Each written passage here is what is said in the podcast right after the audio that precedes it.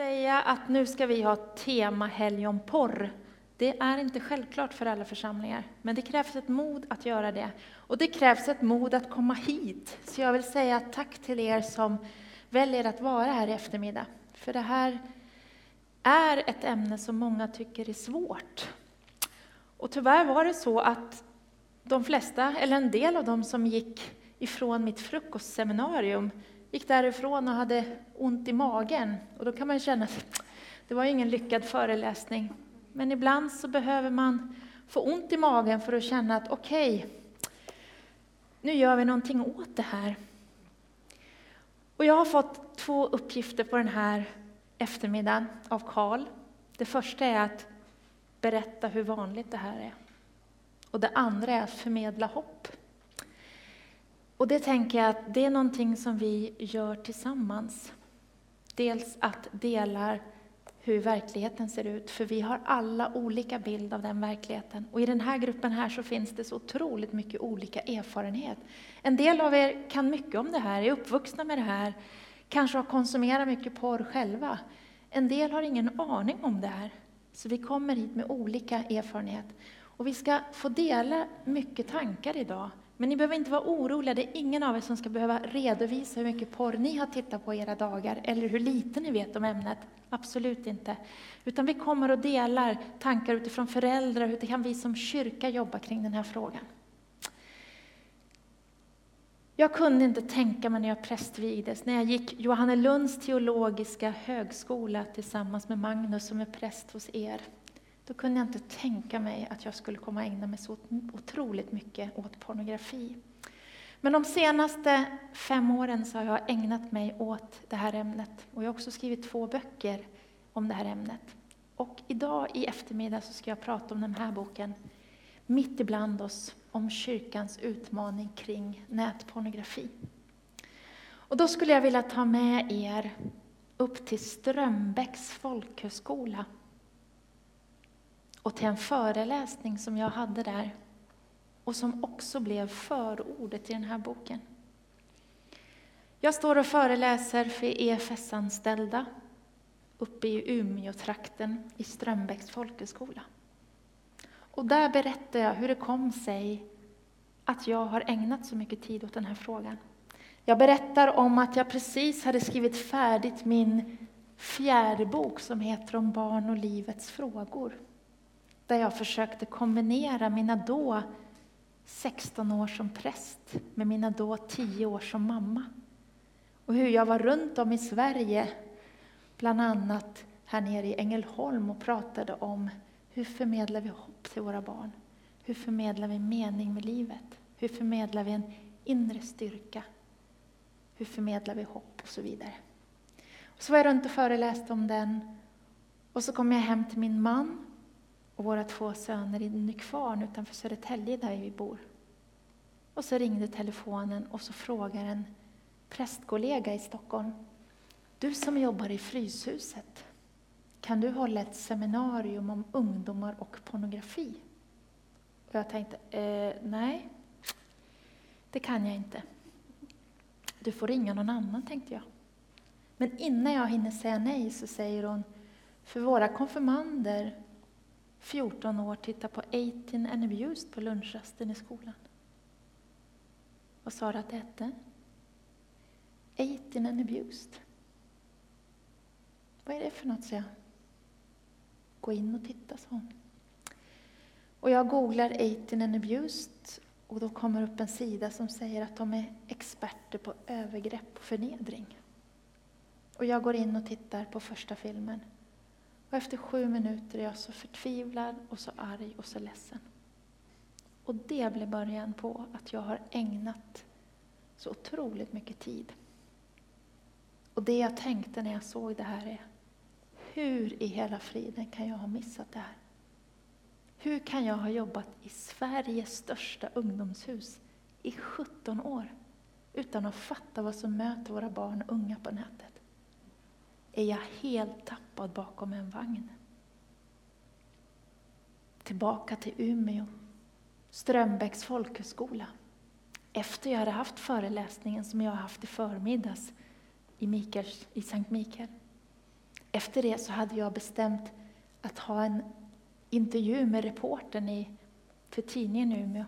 Och vi sätter oss framme på fällstolarna, en man i 35-årsåldern och jag. Och så tittar han på mig och säger du får ursäkta. Nu har jag lyssnat på din föreläsning och jag måste bara fråga en sak. Hur i hela friden kan du ha missat det här? Är du helt tappad bakom en vagn? Vad svarar man på det? Ja, sa jag, eh, då sa jag inte, det har jag också funderat på om jag är. Utan jag sa, jag tror inte att jag är ensam om att ha missat det här. Jag tror att det är fler där ute som är mammor och pappor som inte heller har förstått det här. Och det är därför jag är ute och pratar om det här. Dagen efter så var jag i Skellefteå och träffade en lokaltidningsreporter i min egen ålder. Och hon säger, vad är det du säger? Menar du att våra barn har tillgång till sådana här sidor med våldspornografi? Menar du allvar? Alltså jag är insatt i det mesta. Jag, jag, jag har inte fattat det här. Menar du att barn kan se det? Ja. Jag har ingen aning om så. Det gör mig upprörd och förbannad. Den tredje dagen så är jag uppe i Luleå stift och föreläser för präster och pedagoger och diakoner i Luleå stift. Och vi är 70 pers som sitter där. Och så berättar de här olika, olika ingångarna, olika reaktionerna. Och så säger Linnea, som är präst i Hortlax församling, hon ber om ordet och så tar hon mikrofonen och så säger hon, kan det vara så att hälften av oss som sitter här inne, vi vet inte om att det här finns. Och därför pratar inte vi om det. Och ni andra hälften som sitter här inne, ni vet mycket väl om att det här finns. Men ni skäms för att ni vet det. Och därför lyfter inte ni heller ämnet. Och det blev knäpptyst. Jag tänkte, vad ska jag göra nu? Så räcker Rickard Asplund, biträdande kyrkoherde i Nederluleå församling, upp handen. Så tar han mikrofonen och så säger han Som man så känns det som om jag borde säga någonting nu. Eftersom det var den underliggande resonemanget från Linnea att hälften av oss här inne, det vill säga vi som är kvinnor, vi har inte fattat det här. Och därför pratar vi inte om det. Och ni som är män, ni har visst fattat det här och ni har konsumerat porr. Och ni skäms för att ni gör det, alltså så pratar inte ni heller om det. Så säger Rickard, ja, som man så känns det som jag borde säga någonting nu. Jag tror att det ligger väldigt mycket i det Linnea säger. Några veckor senare så träffar jag Malin. Malin som har varit församlingsledare. Och Malin som blir arg när jag berättar det här, så säger hon sluta prata om det här som ett mansproblem som stackars kvinnor är offer för. Fatta att det här är någonting som många jobbar med. Dessutom är det tusen gånger mer stigmatiserande om man som kvinna konsumerar porr, därför att det är inte socialt accepterat. Så trilla inte diket och prata om det här som ett mansproblem och ett kvinnoproblem. Det här är någonting som många kämpar med. Så är det. Men det man inte ska sticka under stol med, det är att idag så är det 26,1 procent av våra 18-åriga killar som tittar på porr varje dag. 26,1 procent. Motsvarande siffra för tjejer är 1,5 procent som tittar varje dag. Och om man tar generellt alla i Sverige så kan man säga att 70 procent av män konsumerar pornografi. 30 procent av kvinnor konsumerar pornografi. Det betyder att 70 procent av män, eller av kvinnor, konsumerar inte pornografi och 30 procent av män konsumerar inte heller pornografi. Så det är bra att ha lite grann, vad är det för siffror vi pratar om? Men jag tror att det är oerhört viktigt att vi som kyrka lyfter den här frågan. För när jag var ute, har varit ute i många, många kyrkliga sammanhang och pratat om den första boken jag skrev, det vill säga Visuell drog om barn, unga och nätporr. där jag berättade att det är i skolan man möter porr första gången. Antingen på skolans dator eller på rasten i skolan. För mig blev det också tydligt att det finns inga vuxna som pratar med barn och unga om det här. Noll procent enligt en forskning från Uppsala universitet som presenterades 2014. Noll procent av våra 16-åringar har mött en vuxen som har pratat porr med dem. Noll procent. Och det visar också de ungdomar vi intervjuar i den här boken. Det tredje som förvånade mig, det var ju när jag satt med en 17-årig kille och sa till honom, han var ljust, hade lockigt hår, han var ledare i kyrkan och jag sa till honom, jag går sönder när jag ser 18 and abused. Jag blir så förbannad, jag blir så ledsen. Vad händer i dig när du ser den? Och han tittade på mig och sa, ja, det händer ingenting. Jag har sett det här så oerhört många gånger, så jag berörs inte av det. Och jag blev så medveten om att han och jag har så totalt olika ingång i det här. Han som är uppvuxen med det här och jag som inte är det. Och det måste jag bli medveten om när jag pratar om det här. Vi har så olika ingång och så olika referensram. Det tredje som förvånade mig, förlåt, det fjärde som förvånade mig, det var ju att det var så otroligt många som berättade att de ville men inte kunde sluta titta på porr. Och jag måste erkänna att jag fattade inte vad de menade. Förrän jag träffade Erik, som 20 år gammal låg på knä inför sina föräldrar och sa Snälla, snälla hjälp mig. Jag kan inte sluta titta på porr. Och när jag har varit runt, det är därför boken heter Visuell drog, om barn, unga och nätporr. Och den här boken är tänkt att sätta er i handen på en rektor och säga vi måste lyfta den här frågan. Är det så att Ängelholm är en av de, hälften av Sveriges kommuner har porrfilter på sina nätverk i skolan. Och jag har förstått att Ängelholm har inte det. Är det så att Ängelholms skolor behöver steppa upp vad det gäller att prata kring pornografi men också att ha den tekniska utrustningen? Jag har varit ute och pratat om visuell drog i otroligt många kyrkliga sammanhang. Som det här, eller Strömbäcks folkhögskola, eller uppe i Umeå, eller uppe i, ja det var Strömbäck, eller när jag var i Luleå stift. Och så fort jag har pratat i kyrkliga sammanhang så är det alltid någon som har kommit till mig efteråt och viskat, om du bara visste vilket stort problem det här är i kyrkan. Och det var då jag bestämde mig för att skriva mitt ibland oss om kyrkans utmaning. Där jag har intervjuat porrsurfande präster, pastorer som vill men inte kan sluta titta på porr. Jag tänker på Erik Wallier. Erik som är ungdomspastor i Philadelphia-kyrkan i Stockholm. När vi hade release för den här boken i Philadelphia-kyrkan så sa Erik till mig, Fy vad du är modig Ulrika som ägnar dig åt det här ämnet. Och då sa jag, är jag modig?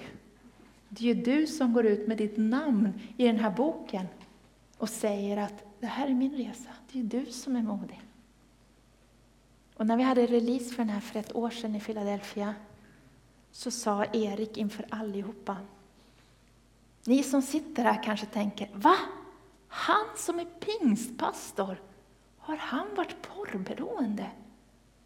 Nej. Och till er vill jag bara säga, varmt välkomna till verkligheten. Den är så oerhört mycket värre än ni kan tänka er. Och Erik säger så här, kan jag på något sätt, genom att gå ut med mitt namn och visa på min resa, bidra till att lyfta det här ämnet, som är ett otroligt stort och svårt ämne, så vill jag göra det. Jag är 31 år gammal och jag har porrfilter på min telefon, säger han. För jag vet att annars halkar jag tillbaka till det. Men varför tittar man på porr? Det finns ju otroligt många anledningar.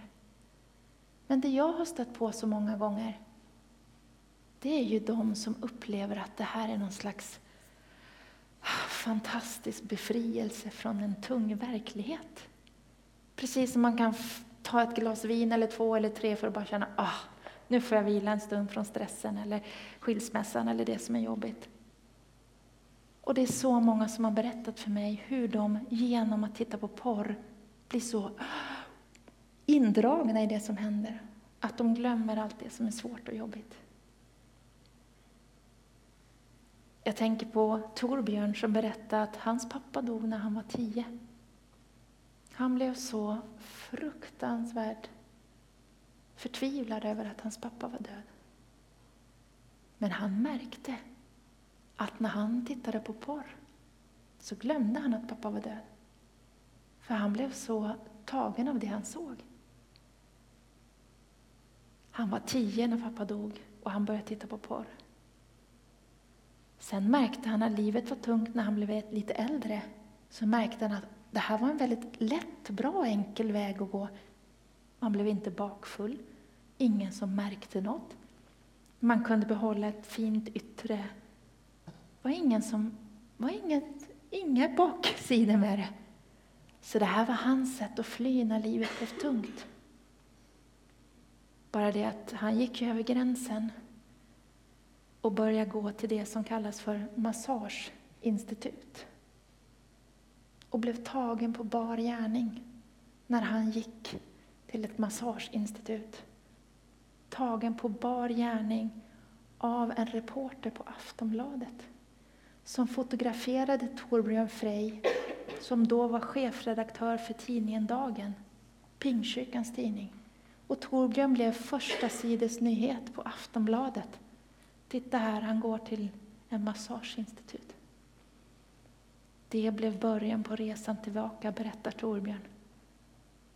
Det var då jag insåg jag måste ta tag i mitt liv. Jag kan inte fly in i porren när livet är jobbigt. Jag måste jobba med det här.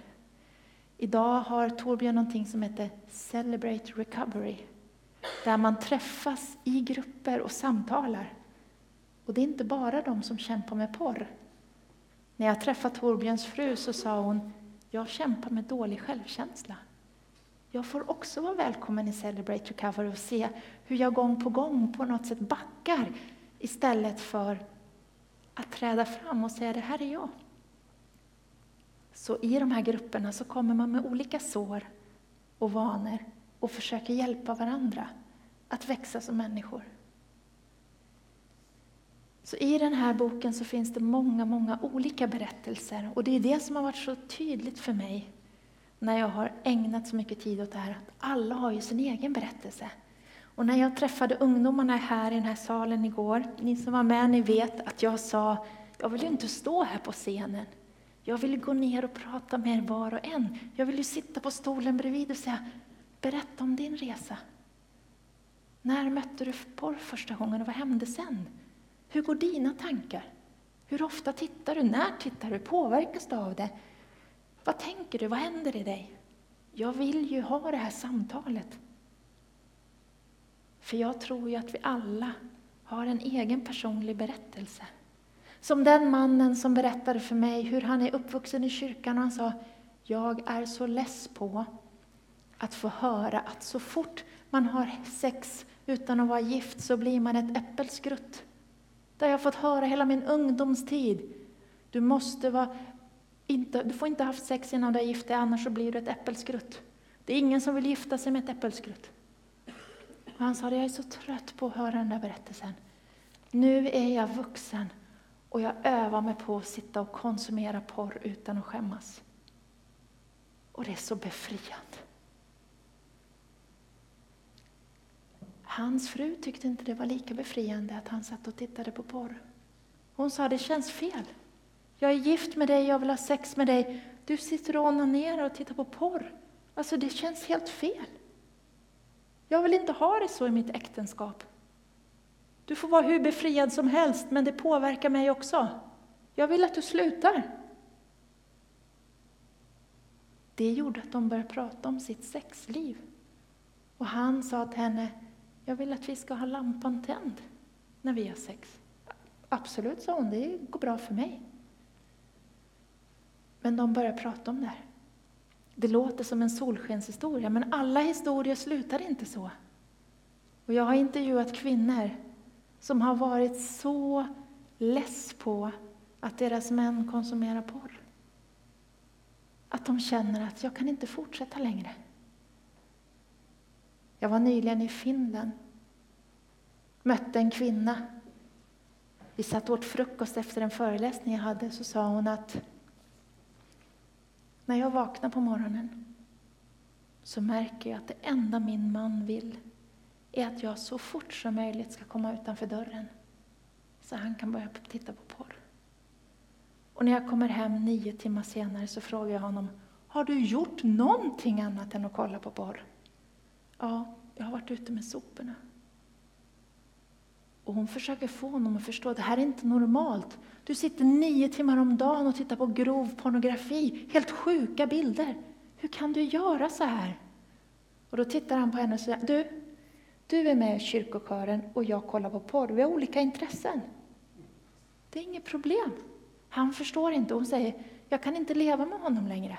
Och precis mitt i vårt samtal så kommer en person och tar tag i Hej, vad roligt att se dig! Hur är det med din man? säger hon, den här personen som kommer. Hon bara tittar på mig.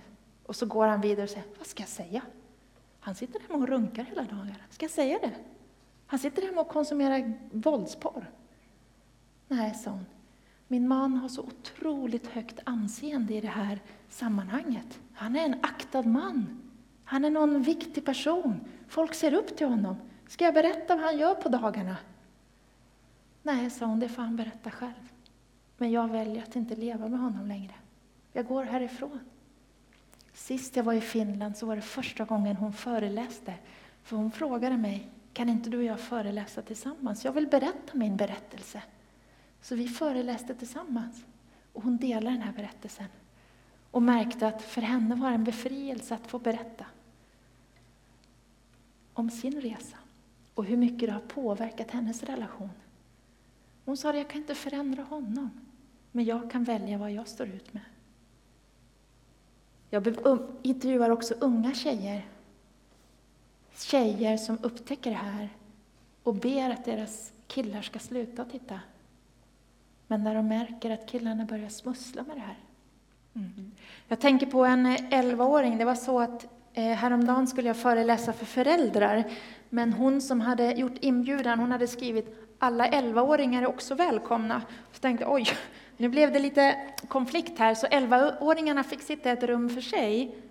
Och då gick jag dit och så frågade, är det någon av er som har hört ordet porr? För jag vill ju liksom inte introducera 18 and abused så för dem, utan jag vill att de ska liksom få en, en light-version av föreläsningen. Så jag gick dit och frågade, har ni hört talas om porr? Vet ni vad det är?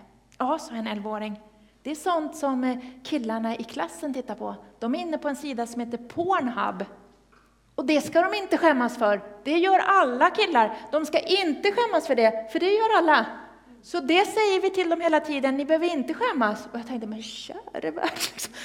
Där går 11-åriga tjejer runt och säger till killarna som är inne på Pornhub, det här är normalt, det här gör alla, ni behöver inte skämmas. Tänk att Å ena sidan är det fint, å andra sidan, vad tragiskt att de så tidigt får lära att det här är socialt accepterat. Och samtidigt så får jag hela tiden höra, för att vi ska kunna ta itu med det här stora problemet som porrkonsumtion är, så måste vi ta bort skammen.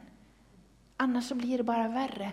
Och jag har ju hört berättelser om att skammen och känslan av att man är dålig, att man känner att usch, jag vill inte göra det här, men jag gör det ändå. Det är det som gör att man söker sig till den enda tröst man har. Och vad är det? Och då blir det än värre, istället för att man känner att man står rakryggad, man kan titta sig själv i ögonen och känna, jag är stolt över den jag är. För det är så många, framförallt män, som har berättat för mig, självföraktet som gror där, när man gör saker som man känner att, å ena sidan etiskt så skulle jag inte vilja göra det här, å andra sidan så finns det en dragningskraft. Och som jag berättade i förmiddags när jag träffade dem i Mikaelkyrkan, i Sankt Mikael, så är det just det här att jag tror att vi måste tänka kring porr som vi tänker kring alkohol. Att det är stor skillnad om vi börjar konsumera pornografi eller alkohol när vi är 19, än när vi är 9. För förhoppningsvis när man är 19 så kan man se att är den här typen av porr, den går inte ihop med mitt etiska system. Jag kan inte titta på det här. Det här är fel, det här är, jag tycker inte om det här. Dessutom märker jag att det händer någonting med mig som jag inte kan stå för. Ju äldre vi blir, desto större chans är det att vi tar medvetna beslut och väljer vad vi vill fylla oss med. Vare sig det är alkohol, eller porr, eller socker, eller serier eller whatever. Men ju tidigare vi börjar med alkohol, om vi börjar dricka när vi är nio, då kan vi inte själva välja när vi vill dricka hur mycket vi utan då, då fastnar vi. För hjärnan är ju så lättpåverkad när vi är så unga. Och det gör ju att idag så delar vi ut iPads till alla våra nioåringar i stort sett och säger lycka till att hantera det här bäst du vill. Och det är det som gör att jag möter så otroligt många som inte vill titta på porr, men de kan inte låta bli. Ni ska få möta en av dem nu i Johannes.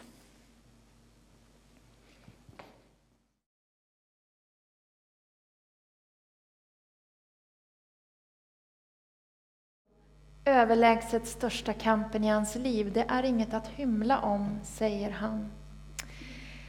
Hur många är det av er som har med er en telefon som man kan googla med? Nästan alla. Johannes skrev en artikel i tidningen Dagen precis när han hade varit med i Malou. Och jag skulle vilja att vi läser den var en på sitt håll, för jag tänkte vi skulle samtala om det han skriver där. Bland annat så skriver han att vi som kyrka behöver bemöta människor som han, som sitter fast i det här, med nåd, sanning och stadigt hjälpande händer. Och vi är här för att fundera kring hur kan vi som kyrka lyfta den här frågan? Hur kan vi som kyrka jobba med det här? Och hur erbjuder man nåd, sanning och stadigt hjälpande händer? Hur gör man det?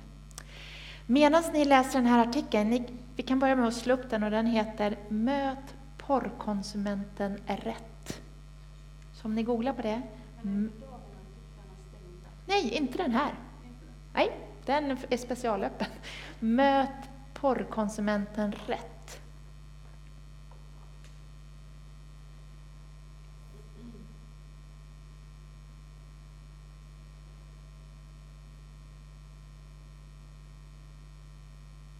Hittar ni den? Möt porrkonsumenten rätt. På dagen.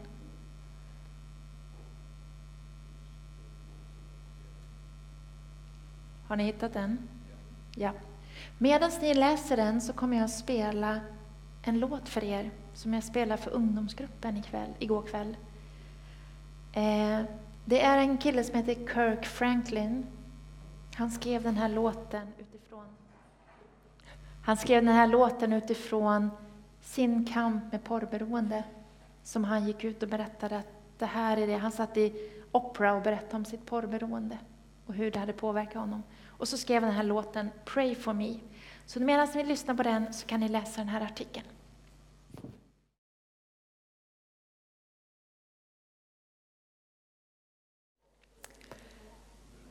Tack för alla oerhört värdefulla tankar som ni har delat. Och för mig blir det så påtagligt att det här är någonting vi gör tillsammans. Det här är någonting vi alla kan bidra till att lyfta på olika sätt. För det är så att jag kunde aldrig tänka mig när jag prästvides att jag skulle komma och ägna mig så otroligt mycket åt det här ämnet. Men jag har ju märkt så påtagligt hur människor har kommit i min väg, hur Gud har berett en väg som jag ska gå på. Och det tänker också ni som är här idag, att ni möter ju människor och människor kommer till er där ni kan se, nu får jag använda den här nya kunskapen eller gamla kunskapen som jag har fått i mötet med den här personen. Och det jag tror är så oerhört viktigt, det är ju att vi förmår härbärgera det vi hör. Jag blir ju oerhört förbannad och ledsen när jag ser 18 and abused när jag ser fyra killar våldta en tjej och jag vill bara skrika och bli arg. Men den frustrationen som jag känner när jag ser det får inte gå ut över min nioåring som kommer hem och berättar att han har mött porr på nätet i skolan. Utan jag måste klara av att härbärgera det han har att berätta och se att jag får ta, få ut den här frustrationen någon annanstans.